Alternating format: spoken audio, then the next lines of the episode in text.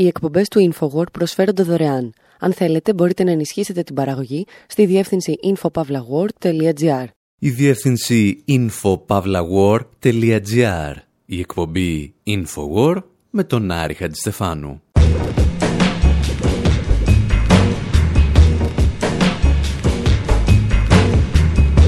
Όπου σήμερα αναρωτιόμαστε πώς είναι να ξυπνήσεις ένα ωραίο πρωί, να πας στην πλησιέστερη τράπεζα και να σου πούν ότι δεν μπορείς να κάνεις ανάληψη γιατί δεν τους αρέσει η φάτσα σου. Υποπτευόμαστε ότι κάτι παρεμφερές συμβαίνει με την Τράπεζα της Αγγλίας, η οποία σύμφωνα με δημοσιεύματα αρνείται να επιστρέψει τον χρυσό της Βενεζουέλας. Σκεφτόμαστε γιατί ξαφνικά τους έπιασε όλους μία μανία να ελέγχουν τα αποθέματα χρυσού και πετρελαίου των χωρών που δεν ελέγχονται από τις Ηνωμένες Πολιτείες. Και απαντάμε, ίσως γιατί γνωρίζουν ότι αυτές οι χώρες θα μπορούσαν να ζήσουν και χωρίς το δολάριο, σε αντίθεση με τις Ηνωμένες Πολιτείες.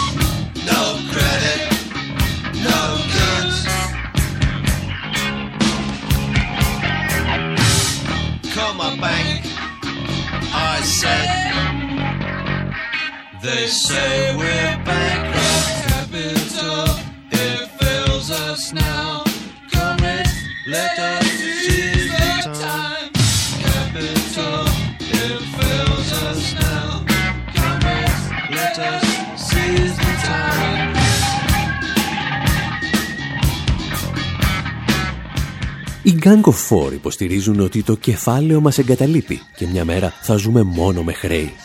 Ακριβώς το αντίθετο δηλαδή από το εξώφυλλο του άλμπουμ που φιλοξενούσε το συγκεκριμένο τραγούδι και έδειχνε ένα χρηματοκιβώτιο γεμάτο με χρήματα και χρυσό. Περίπου σαν αυτό στο οποίο κολυμπούσε ο Σκρούτζ στη Λιμνούπολη. Και αυτά ακριβώς τα στοιχεία του χρυσού, του κεφαλαίου και του χρέους θα μας απασχολήσουν σε αυτή την εκπομπή γιατί αυτή την εβδομάδα υπήρξαν μερικές συνταρακτικές ειδήσεις που πέρασαν στα ψιλά εάν δεν εξαφανίστηκαν ολοκληρωτικά από τη διεθνή ειδησιογραφία. Η πρώτη είδηση μας ήρθε διά στόματος του Συμβούλου Εθνικής Ασφαλείας του Λευκού Οίκου Τζον Μπόλτον, του ανθρώπου που υπηρέτησε τον George Bush και τώρα υπηρετεί τον Donald Trump, αποδεικνύοντας ότι το Αμερικανικό κράτος έχει βάθος και συνέχεια. Αυτή τη φορά ήθελε να μας ενημερώσει για ένα νέο πακέτο κυρώσεων που επιβλήθηκε στη Βενεζουέλα. Today I'm proud to share that President Trump has signed a new executive order Σήμερα περήφανα σας ανακοινώνω ότι ο πρόεδρος Τραμπ υπέγραψε ένα νέο εκτελεστικό διάταγμα για να επιβάλλει νέες σκληρές κυρώσεις στη Βενεζουέλα. Οι νέες κυρώσεις στοχεύουν σε δίκτυα που λειτουργούν στο εσωτερικό του διεφθαρμένου οικονομικού τομέα της Βενεζουέλας και τους ανείται την πρόσβαση στον κλεμμένο πλούτο. Αμέσως οι νέες κυρώσεις θα αποτρέψουν ανθρώπους από τις ΗΠΑ να εμπλακούν με δίκτυα και φορείς συνέναγου και διεφθαρμένους ή σε παραπλανητικές συναλλαγές στον τομέα χρυσού της Βενεζουέλας.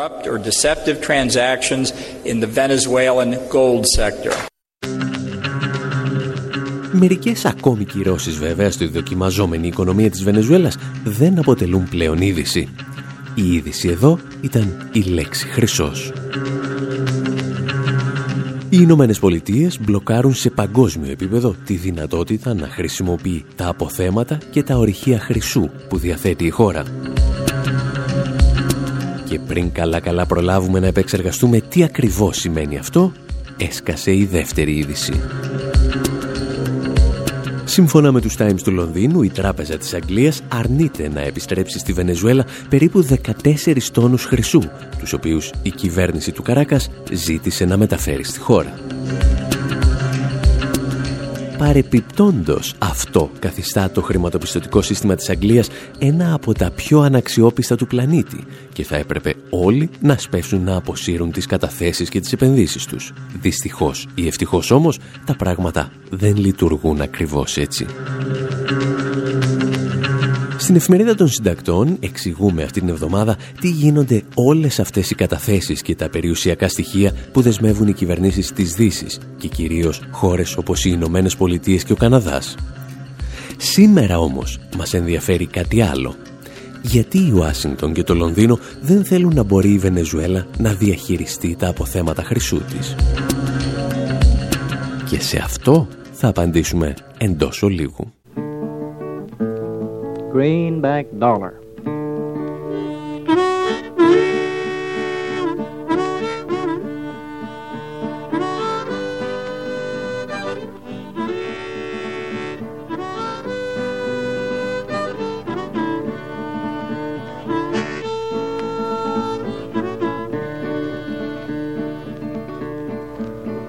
I don't want your greenback dollar. I don't want your silver change. All I want is your love, darling. Won't you take me back again?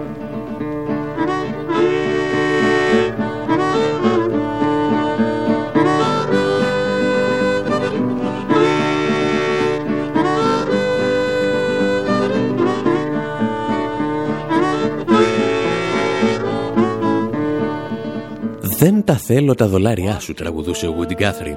«Το μόνο που θέλω είναι την κόρη σου, η οποία με παράτησε και τώρα θα προτιμούσα να είμαι στον τάφο μου». Και εμείς στην εκπομπή Infowar με τον Άρη Χατζηστεφάνου θα συζητήσουμε για χώρες που όλο και συχνότερα τους τελευταίους μήνες λένε στις Ηνωμένες Πολιτείες ότι δεν τα θέλουν τα δολάρια τους. Συζητάμε για το νέο κυνήγι που εξαπέλυσε η Ουάσιγκτον και όπως φαίνεται και το Λονδίνο εναντίον των αποθεμάτων χρυσού της Βενεζουέλας. Και αν νομίζετε ότι αυτή είναι μια ιστορία που αφορά μόνο τη Βενεζουέλα, κάνετε τεράστιο λάθος. Ένας από τους λόγους για τους οποίους η Βενεζουέλα χρειάζεται άμεσα τα αποθέματα χρυσού της είναι για να αντιμετωπίσει τις υπόλοιπες κυρώσεις των Ηνωμένων Πολιτειών, του Καναδά και της Ευρωπαϊκής Ένωσης. Καταρχήν, με τα αποθέματα χρυσού και πετρελαίου θα μπορούσε να στηρίξει την αξία του νέου της κρυπτονομίσματος, του Πέτρο. Ουσιαστικά δηλαδή, με τα δύο αυτά στοιχεία θα μπορούσε να παρακάμψει την απόλυτη κυριαρχία του δολαρίου στις παγκόσμιες αγορές. Και μήπως θυμάστε ποιοι ήταν οι δύο προηγούμενοι που επιχείρησαν κάτι τέτοιο; Τον έναν τον έλεγαν Σαντάμ Χουσέιν και ζούσε στο Ιράκ και τον δεύτερο Μουαμαρ Καντάφη και ζούσε στη Λιβύη. Δύο ηγέτες που εκτελέστηκαν από συνεργάτες της Ουάσιγκτον ακριβώς την περίοδο που άρχισαν να θέτουν σε εφαρμογή σχέδια για την αντικατάσταση του δολαρίου στις διεθνείς συναλλαγές. Ειδικά στην περίπτωση του Καντάφη, η τότε Αμερικανός Υπουργός Εξωτερικών, Χίλαρη Κλίντον, ταξίδεψε η ίδια στην Τρίπολη για να βεβαιωθεί ότι ο αντίπαλός της θα πέθαινε με τον πιο βάναυσο τρόπο. Yes, we came, we saw, he died.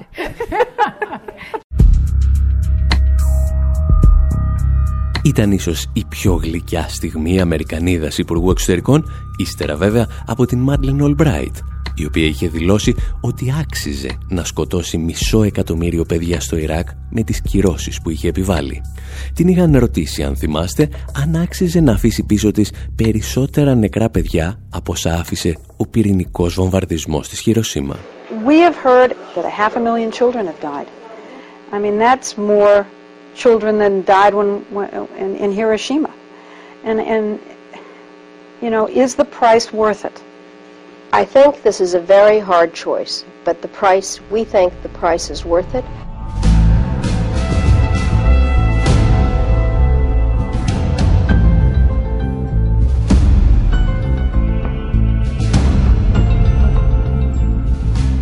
Γι' αυτό, παρεπιπτόντος, να θυμάστε πως ό,τι και αν δείτε στον τελευταίο κύκλο της τηλεοπτικής σειράς House of Cards, κάποιος πραγματικός Αμερικανός πρόεδρος και κάποιος υπουργός εξωτερικών έχει κάνει πολύ χειρότερα.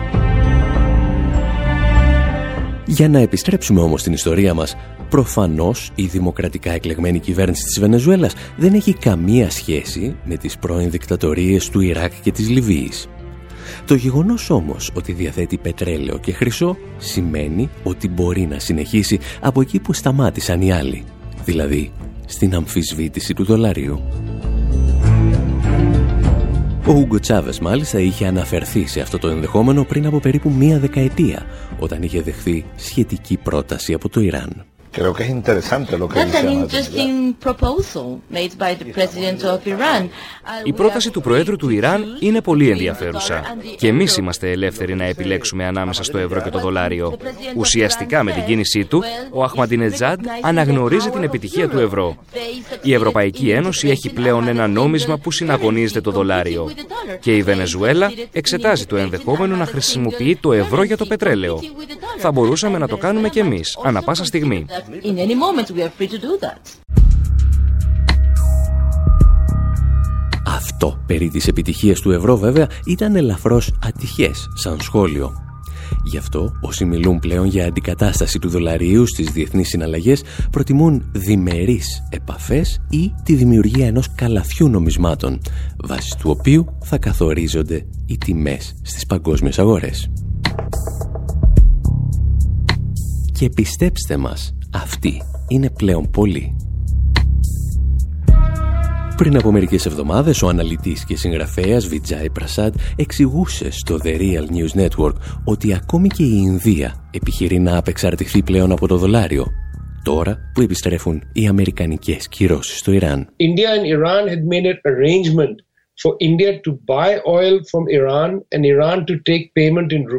η Ινδία και το Ιράν είχαν κάνει μια συμφωνία ότι η Ινδία θα αγόραζε πετρέλαιο από το Ιράν και το Ιράν θα πληρωνόταν σε ρουπίες. Η συμφωνία αυτή κατέστη εφικτή χάρη σε εναλλακτικούς οικονομικούς μηχανισμούς. Και νομίζω ότι ακριβώς σε αυτό επιθυμεί να επιστρέψει η Ινδική κυβέρνηση. Δηλαδή σε έναν εναλλακτικό τρόπο πληρωμής του Ιρανικού πετρελαίου, το οποίο είναι αναγκασμένη να εισάγει. Θέλω να πω, η Ινδία δεν υπάρχει περίπτωση να σταματήσει να εισάγει πετρέλαιο από το Ιράν for India to stop importing Iranian oil. Η Ινδία λοιπόν είχε βρει τρόπο να παρακάμψει τη χρήση του δολαρίου γιατί δεν είχε άλλη επιλογή και η Ουάσιγκτον το γνώριζε πολύ καλά. Το πρόβλημα για τις Ηνωμένες Πολιτείες είναι ότι η Ινδία δεν είναι μόνη της πλέον σε αυτή την προσπάθεια. There literally is no other way for India to maintain uh, its energy supplies if it cuts off the Iran road Κυριολεκτικά η Ινδία δεν θα έχει άλλο τρόπο ενεργειακού εφοδιασμού αν διακόψει τις σχέσεις της με το Ιράν. Το ίδιο ισχύει και για τις χώρες της Ευρώπης, τη Σρι Λάνκα, την Κίνα και άλλους.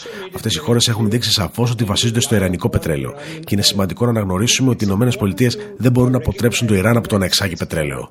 Το μόνο πλεονέκτημα που έχουν οι ΗΠΑ είναι ότι αυτή τη στιγμή το εμπόριο πετρελαίου γίνεται με χρήση του δολαρίου. Ούτε μπορούν οι πληρωμένε να περάσουν μέσα από δίκτυα που ελέγχουν οι ΗΠΑ, δηλαδή μηχανισμούς μεταφοράς χρημάτων. Γι' αυτό και οι Ευρωπαίοι, οι Ινδοί, οι Κινέζοι, ακόμα και οι Ιάπωνες συζητούν για ένα ανακτικό τραπεζικό σύστημα το οποίο θα διευκολύνει το εμπόριο προϊόντων που παράγονται σε χώρες στις οποίες οι ΗΠΑ έχουν επιβάλει κυρώσεις.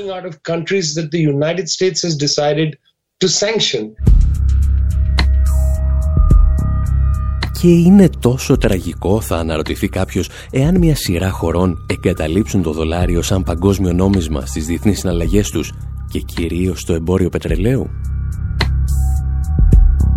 Η απάντηση είναι ότι απλώς θα μπορούσε να οδηγήσει στην ολοκληρωτική κατάρρευση της Αμερικανικής Αυτοκρατορίας. If these countries decide to create an alternative mechanism uh, to transact international trade αν αυτές οι χώρες αποφασίσουν να δημιουργήσουν ένα αναλλακτικό μηχανισμό για τις διεθνείς συναλλαγές και αν εκτελούν πληρωμές μέσα από ένα σύστημα μεταβιβάσεων που θα παρακάμπτει το σύστημα SWIFT που εδρεύει στο Βέλγιο, τότε θα ασκηθεί μεγάλη πίεση στις ΗΠΑ. Και αυτό γιατί η Αμερική βασίζεται στη χρήση του δολαρίου ως παγκόσμιο νομίσματος για να μπορεί να διατηρεί μεγάλα λύματα και να τυπώνει χρήμα στο εσωτερικό της χώρας. Γιατί ξέρουν ότι αν τυπώσουν χρήματα στο εσωτερικό των ΗΠΑ δεν υπάρχει πληθωρισμός επειδή το νόμισμα χρησιμοποιείται σε όλο τον κόσμο. Αν το νόμισμα χρησιμοποιηθεί λιγότερο σε παγκόσμιο επίπεδο, τα ελλείμματα των ΗΠΑ δεν θα είναι εύκολο να ρυθμιστούν και ο πληθωρισμός μπορεί να αυξηθεί στο εσωτερικό.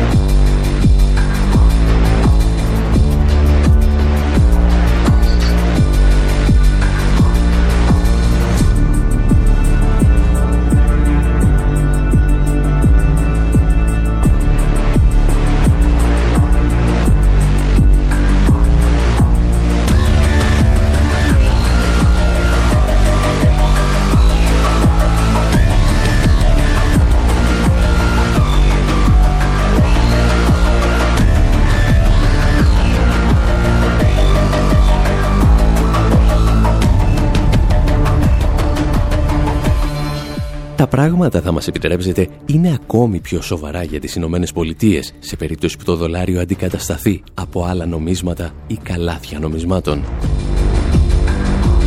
Γιατί αυτό που πραγματικά συμβαίνει στις Ηνωμένες Πολιτείες είναι μια αντεστραμμένη μορφή του Κάζαντε Παπέλ. Οι ληστές ήταν πάντα μέσα στο Εθνικό Νομισματοκοπείο των Ηνωμένων Πολιτειών. Για την ακρίβεια, ήταν αυτοί που το δημιούργησαν. Αυτά όμως θα τα συζητήσουμε στο δεύτερο μέρος της εκπομπής. Μιλώντας πάντως για τη Βενεζουέλα, εμείς να ξέρετε, συνεχίζουμε με εντατικότατους ρυθμούς την προετοιμασία του νέου μας ντοκιμαντέρ με τίτλο «Make the Economy Scream». Μια σειρά δυσκολιών ίσως μας καθυστερήσει λίγο και η κυκλοφορία να αναβληθεί για τις αρχές του 2019. Φυσικά, όσοι μας βοήθησαν και συνεχίζουν να μας βοηθούν θα λάβουν πρώτοι κωδικούς για να μπορέσουν να παρακολουθήσουν τη νέα μας δουλειά. Και αν δεν καταλαβαίνετε για τι πράγμα μιλάμε, μπορείτε να πάρετε μια ιδέα στη διεύθυνση maketheeconomyscream.com και φυσικά στο info.pavlawar.gr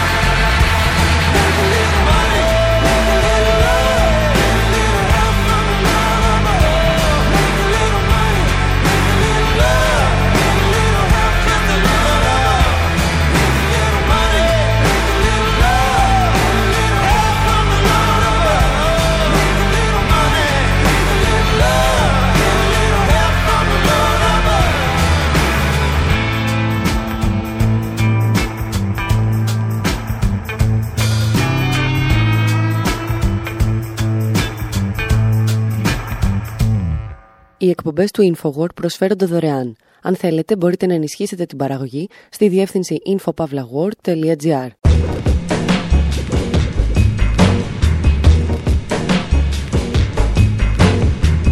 Εκπομπής InfoWord, μέρος δεύτερο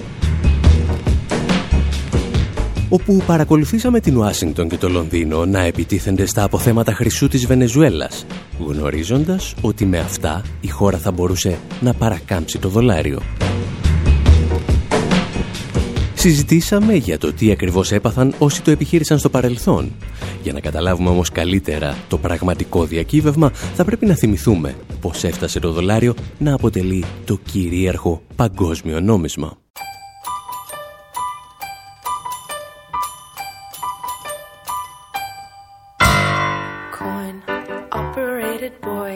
Sitting on the shelf. He is just a toy, but I turn him on and he comes to life. Automatic joy, that is why I want a coin operated boy. Made of plastic and elastic,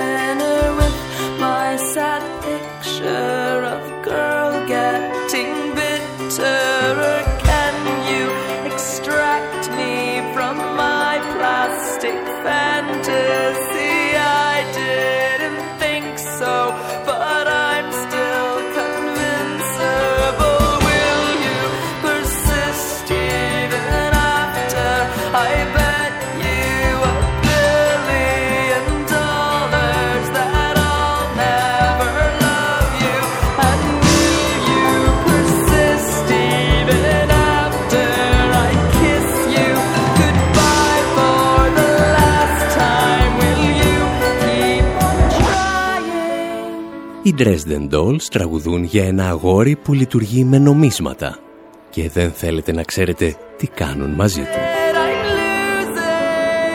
Στη δική μας ιστορία πάντως, το νόμισμα που κινεί τα αγόρια σε όλο τον κόσμο είναι το δολάριο.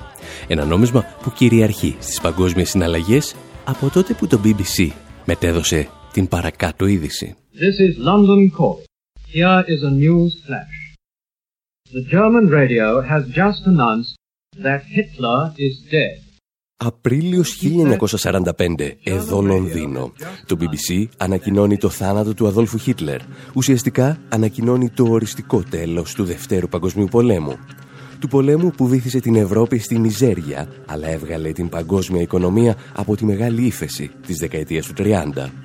Γιατί ως γνωστόν, η διάσωση του καπιταλισμού από τις δομικές κρίσεις του μας κοστίζει κάτι παραπάνω σε ανθρώπινες ζωές.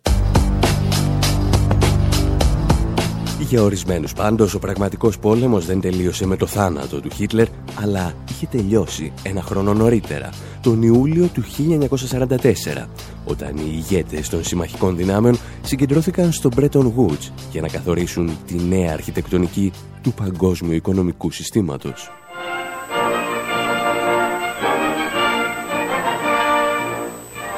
Bretton Woods, New Hampshire, delegates from 44 allied and associate countries arrived for the opening of the United Nations Monetary and Financial Conference. Στο Bretton Woods του New Hampshire προσέρχονται αντιπρόσωποι 44 συμμαχικών χωρών για την νομισματική και χρηματοπιστωτική διάσκεψη των Ηνωμένων Εθνών.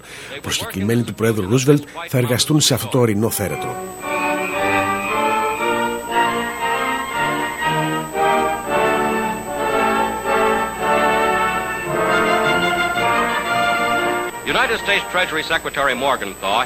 Επικεφαλής Αμερικανικής Αντιπροσωπείας είναι ο Αμερικανός Υπουργός Οικονομικών Χένιν Μόγκενθο. Ο οικοδεσπότη παρουσίαζε στους συνέδρους τα σχέδιά μας για νομισματική σταθερότητα. Όλες οι συμφωνίες πρέπει να επικοινωνηθούν από τα κοινοβούλια των χωρών που συμμετέχουν πριν τεθούν σε ισχύ.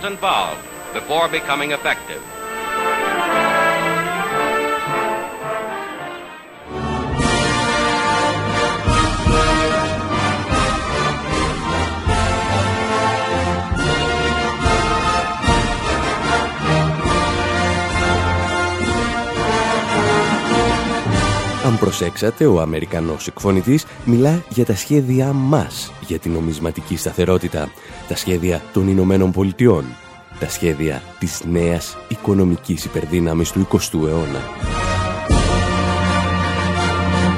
Στην πραγματικότητα η συμφωνία του Bretton Woods δεν ήταν προϊόν συνένεσης, ήταν αποτέλεσμα επιβολής αποτύπωνε τη συντριβή της Βρετανικής ισχύως, η οποία πεάνιζε τους τελευταίους της ύμνους ως στυλοβάτης της παγκόσμιας οικονομικής αρχιτεκτονικής.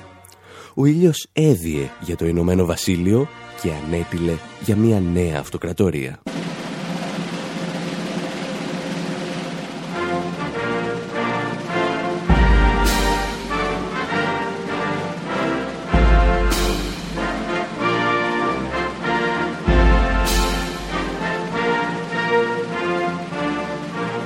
Με τις συμφωνίες του Bretton Woods, όπως θα γράψει αργότερα και ο Νόμ Τσόμσκι, οι Ηνωμένες Πολιτείες μετατρέπονται σε παγκόσμιο τραπεζίτη και το δολάριο είναι το νέο παγκόσμιο νόμισμα. Πριν από τον Bretton Woods, οι κεντρικές τράπεζες των δυτικών χωρών ήταν υποχρεωμένες να διατηρούν αποθεματικά σε χρυσό. Και όσο περισσότερο χρυσό είχαν, τόσο ισχυρότερο ήταν και το νόμισμά τους μετά το Bretton Woods έπρεπε να διατηρούν αποθεματικά σε δολάρια. Το χρυσό θα τον κρατούσε η Αμερική. Για να διατηρηθεί όμως η νέα οικονομική τάξη πραγμάτων απαιτούνται και δύο οικονομικοί χωροφύλακες. Και το ρόλο αυτό αναλαμβάνει η Παγκόσμια Τράπεζα και το Διεθνές Νομισματικό Ταμείο. Ο διάσημος ερευνητής και ντοκιμαντερίστας Τζον Πίλγκερ εξηγούσε μερικές δεκαετίες αργότερα τις νέες ισορροπίες που δημιουργήθηκαν από αυτή την κατάσταση στην ταινία του «Η κυρίαρχη του κόσμου». Who are the new rulers of the world? Their empire today is greater than the British Empire ever was. This is the center Ποιοι είναι οι κυρίαρχοι του κόσμου σήμερα; Η αυτοκρατορία τους είναι μεγαλύτερη και από την Βρετανική Αυτοκρατορία. Το κέντρο της νέας αυτοκρατορίας βρίσκεται μέσα σε ένα τετραγωνικό χιλιόμετρο στην Ουάσιγκτον. Σε μικρή απόσταση από το Λευκό Οίκο και το Υπουργείο Οικονομικών βρίσκεται το Διεθνές Νομισματικό Ταμείο και η Παγκόσμια Τράπεζα. Οι δύο αυτοί οργανισμοί εκπροσωπούν τα συμφέροντα των ισχυρότερων χωρών του πλανήτη και κυρίως των ΗΠΑ. Δημιουργήθηκαν μετά το τέλος του Δευτέρου Παγκοσμίου Πολέμου για την ανοικοδόμηση της οικονομίας στην Ευρώπη. Αργότερα άρχισαν να προσφέρουν δάνεια στις φτωχότερες χώρες. Μόνο όμως εάν ιδιωτικοποιούσαν τις οικονομίες τους και έδιναν σε ξένες εταιρείες τις πρώτες ύλες και τις αγορές τους.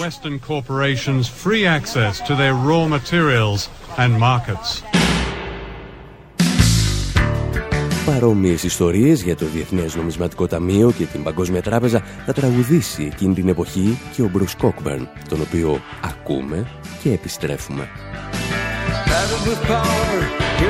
Here international loan sharks, backed by the guns of market-hungry military profiteers, whose word is a swamp and whose brow is smeared with the blood of the poor. Who rob life of its quality, who render rage a necessity, by turning countries into labor camps, modern slavers and drag as champions of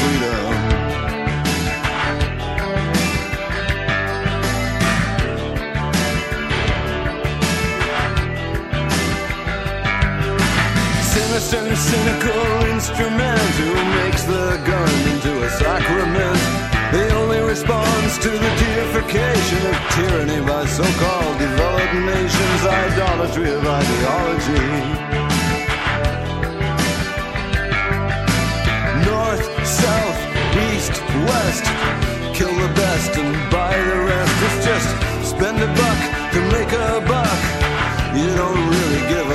a flying fuck about the people in misery.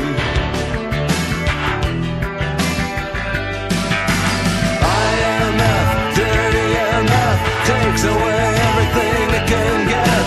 Always making certain that there's one thing left. Keep them on the hook with insupportable debt. Ο Μπρους Κόκμπερν γράφει το πρώτο τραγούδι για το Διεθνές Νομισματικό Ταμείο μιλάει για διεθνείς τοκογλύφους με όπλα, για ληστές που μετατρέπουν ολόκληρες χώρες σε στρατόπεδα καταναγκαστικής εργασίας, για επιχειρηματίες που ακολουθούν τους κανόνες ενός φτηνού οίκου ανοχής. Όπως και εμείς δηλαδή που συζητάμε για τους δύο χωροφύλακες της οικονομικής αρχιτεκτονικής των Ηνωμένων Πολιτειών που γεννήθηκαν στις στάχτες του Δευτέρου Παγκοσμίου Πολέμου. Το σύστημα του Bretton Woods που περιγράψαμε λειτουργούσε υποδειγματικά για όσο διάστημα επικρατούσαν δύο βεβαιότητες. Η οικονομία θα αναπτυσσόταν αδιάκοπα και η αμερικανική ισχύς θα παρέμενε κυρίαρχη. Μόνο που οι ισορροπίες έχουν αυτή την αναθεματισμένη τάση να ανατρέπονται.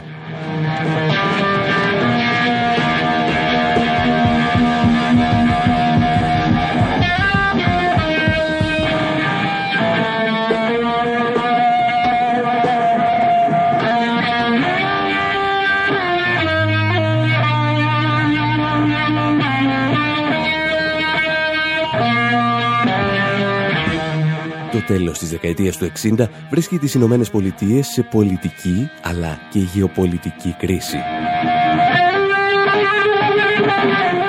Ο πόλεμος του Βιετνάμ κατασπαράσει ζωές και κεφάλαια. Η Αμερικανική στρατιωτική μηχανή δεν είναι όσο παντοδύναμη πίστευε. Και αυτή τη φορά ο εθνικός ύμνος ακούγεται φάλτσα από την ηλεκτρική κιθάρα του Τζίμι Χέντριξ. Το σκάνδαλο του Watergate και οι αποκαλύψεις για τη δράση της CIA καταρακώνουν και ηθικά την υπερδύναμη. Το βασικό πρόβλημα όμως είναι και πάλι οικονομικό. Δύο νέες οικονομικές υπερδυνάμεις διεκδικούν το ρόλο τους στην παγκόσμια σκηνή. Η Ιαπωνία και η Γερμανία. Είναι οι χώρες στις οποίες ενίσχυε η Δύση για να αποτελέσουν ανάχωμα στη Σοβιετική Ένωση και τώρα ζητούν να ξεπεράσουν το δάσκαλό τους. Οι τάσεις αποσάθρωσης της αμερικανικής ισχύως αποτυπώνονται άμεσα και στις αγορές. Το 1971 ο βασιλιάς Δολάριο αποδεικνύεται γυμνός.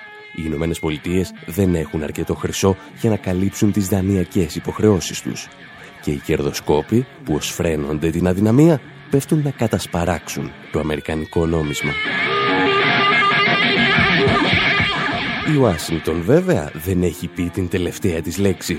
Ο πρόεδρος Νίξον κλείνεται στο Camp David μαζί με τους οικονομικούς στρατηγούς του, τον Υπουργό Οικονομικών και τον διοικητή της Κεντρικής Τράπεζας και συζητούν για ώρες. συζητούν μέχρι τη στιγμή που αποφασίζουν τη μεγάλη αντεπίθεση.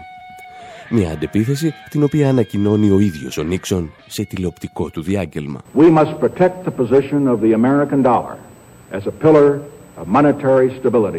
Πρέπει να προστατεύσουμε τη θέση του Αμερικανικού δολαρίου ως πυλώνα της νομισματικής σταθερότητας σε ολόκληρο τον κόσμο. Τα τελευταία 7 χρόνια παρατηρείται κατά μέσο όρο μια νομισματική κρίση το χρόνο. Από αυτές τις κρίσεις δεν κερδίζουν ούτε εργάτες, ούτε επενδυτές, ούτε οι δυνάμεις πραγματικής οικονομίας. Κερδίζουν οι κερδοσκόποι. Και τις τελευταίες εβδομάδες οι κερδοσκόποι κήρυξαν ολοκληρωτικό πόλεμο εναντίον του δολαρίου. Για το λόγο αυτό διέταξα τον Υπουργό Οικονομικών να λάβει όλα τα απαραίτητα μέτρα για να προστατεύσει το δολάριο από τους κερδοσκόπους. Του έδωσε εντολή να διακόψει τη μετατρεψιμότητα του δολαρίου σε χρυσό και άλλα αποθεματικά.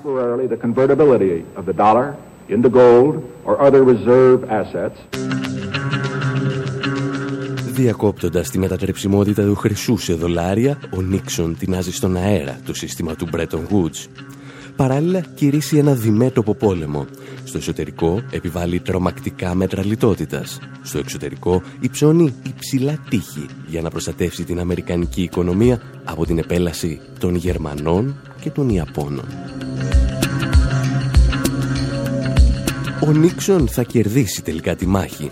Το θέατρο των επιχειρήσεων όμως δεν θα είναι ποτέ πια το ίδιο. Η εποχή της συνεχούς ανάπτυξης τερματίζεται από τη δεκαετία του 70 μέχρι σήμερα, το παγκόσμιο οικονομικό σύστημα απλώς διαχειρίζεται τη δομική του κρίση. Μια κρίση που όπως καταλαβαίνετε ίσως να μην οφείλεται στη λεμαργία ορισμένων χρηματιστών όπως θέλουν να πιστεύουμε. Μια κρίση που ίσως τελικά να οφείλεται στα προβλήματα της πραγματικής οικονομίας. Τα εξηγούσε άλλωστε και ο Γερμανός Υπουργός Οικονομικών το 2008, ένα χρόνο μετά το ξέσπασμα της χρηματοπιστωτικής κρίσης. Die Fernwirkungen dieser Krise sind derzeit nicht absehbar. Επί του παρόντος, δεν μπορούμε να προβλέψουμε τις μακροχρόνιες επιπτώσεις της κρίσης. Ένα πράγμα όμως είναι σίγουρο. Οι Ηνωμένες Πολιτείες δεν θα είναι πλέον υπερδύναμη του παγκόσμιου χρηματοπιστωτικού συστήματος. Όχι ευνηδιαστικά, αλλά σταδιακά. Το παγκόσμιο χρηματοπιστωτικό σύστημα θα αποκτήσει περισσότερους πόλους ισχύως.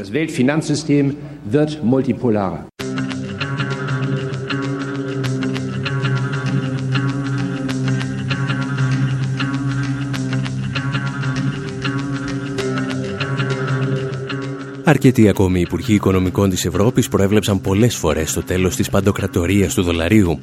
Το Αμερικανικό Εθνικό Νόμισμα όμως συνέχιζε να τους διαψεύδει, γιατί διέθετε μερικούς σημαντικούς συμμάχους και κάτι κυρίους με όπλα. Αυτά όμως θα τα συζητήσουμε σε λιγάκι.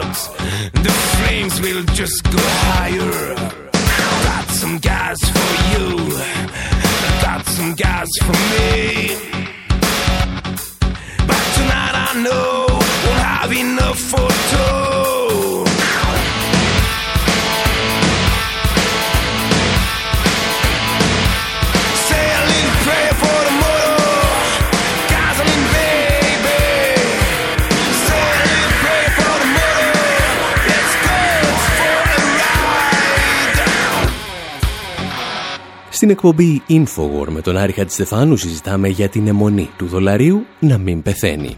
Να μην αντικαθίσταται δηλαδή σαν παγκόσμιο νόμισμα παρά τις αδυναμίες της πραγματικής οικονομίας των Ηνωμένων Πολιτειών. Και ένας από τους πολλούς λόγους για τους οποίους το αμερικανικό νόμισμα ανθίσταται είναι μια συμφωνία που είχε συνάψει πριν από δεκαετίες η Ουάσιγκτον με το Ριάντ. Τα εξηγούσε πριν από χρόνια ο Τζον Πέρκινς, ο συγγραφέας του βιβλίου Confessions of an Economic Hitman, εκμυστηρεύσεις ενός οικονομικού δολοφόνου. Ο Πέρκινς είχε μιλήσει στο αμερικανικό δίκτυο Democracy Now! για την αποστολή που είχε αναλάβει στη Μέση Ανατολή. Ίσως εσείς να ήσασταν πολύ μικροί τότε, αλλά εγώ θυμάμαι πολύ καλά πως στις αρχές της δεκαετίας του 70 ο ΟΠΕΚ αποφάσισε να χρησιμοποιήσει τη δύναμη που διέθετε και να κλείσει τις τρόφιγγες του πετρελαίου. Άρχισαν τότε να σχηματίζονται ουρές στα βενζινάδικα και άλλοι φοβόντουσαν μια νέα οικονομική κρίση σαν αυτή του 1929. Οπότε το Υπουργείο Οικονομικών ήρθε σε εμένα και σε κάποιους άλλους ανθρώπους και μας είπε «Πρέπει να εξασφαλίσετε ότι αυτό δεν θα ξανασυμβεί». Γνωρίσαμε ότι ρόλο κλειδί για να σταματήσει αυτή η κατάσταση θα έπαιζε η Σαουδική Αραβία. And we, we knew Saudi Arabia was the key to dropping our dependency or, or to, to controlling the situation. Ο Πέρκινγκς βρέθηκε λοιπόν στη Σαουδική Αραβία για λογαριασμό της Ουάσιγκτον και όπως υποστηρίζει ο ίδιος προετοίμασε το έδαφος για την ενεργειακή συμφωνία του αιώνα. Μια συμφωνία που θα σήμαινε το τέλος της πολιτικής επιρροής του ΟΠΕΚ. Ο οίκος των Σαούντ συμφώνησε ότι θα στέλνει σχεδόν όλα τα έσοδα από το πετρέλαιο σε επενδύσεις στις Ηνωμένες Πολιτείες της Αμερικής και αμερικανικές εταιρείες θα αναλάμβαναν να δημιουργήσουν ένα σύγχρονο κράτος στην έρημο της Σαουδικής Αραβίας. Υπήρχε όμως και ένα άλλο τμήμα της συμφωνίας. Ο οίκος των Σαούντ θα διατηρούσε την τιμή του πετρελαίου στα επίπεδα που επιθυμούσαμε εμείς και εμείς θα εξασφαλίζαμε την παραμονή του στην εξουσία. Τηρήσαμε αυτή την υπόσχεση. Αυτός ήταν άλλωστε και ο βασικός λόγος για τον οποίο πολεμήσαμε στο Ιράκ.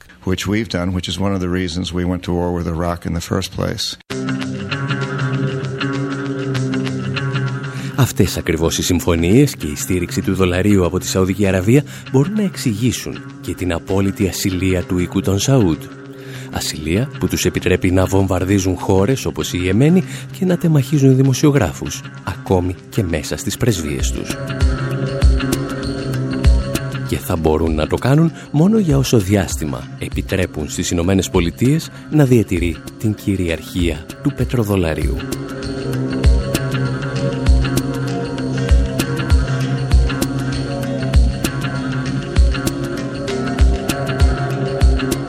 Η Σαουδική Αραβία όμως δεν αρκεί για να αναχαιτήσει την αμφισβήτηση του εθνικού νομίσματος των Ηνωμένων Πολιτειών.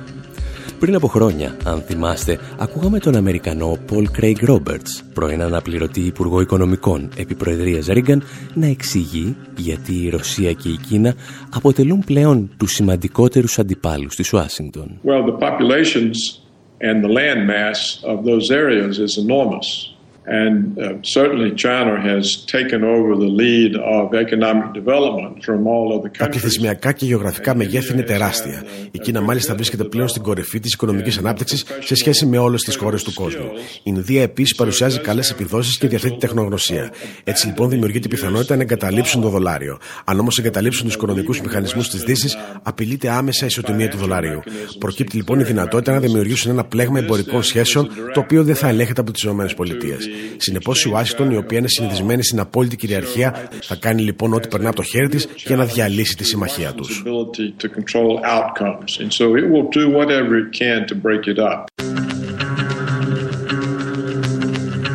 Η πραγματική ανησυχία λοιπόν που προκαλούν αυτές οι χώρες στην Ουάσιγκτον δεν προκύπτει από το ότι αμφισβητούν το οικονομικό σύστημα που δεν το κάνουν, αλλά από το ότι απειλούν το δολάριο.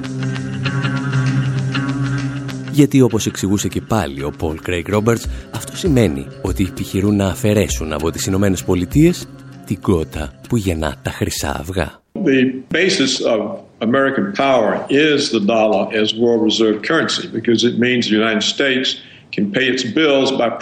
η βάση της Αμερικανικής ισχύως είναι το δολάριο στο βαθμό που λειτουργεί σαν παγκόσμιο νόμισμα. Πρακτικά σημαίνει ότι οι ΗΠΑ μπορούν να πληρώνουν τους λογαριασμούς τους τυπώνοντα χρήμα.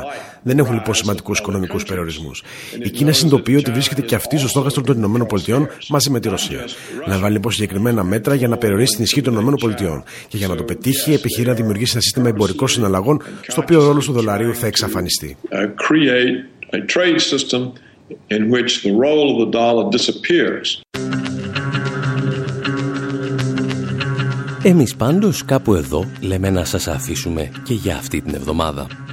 Από τον Άρη Χατζηστεφάνου στο μικρόφωνο και τον Δημήτρη Σταθόπουλο στην τεχνική επιμέλεια, γεια σας και χαρά σας.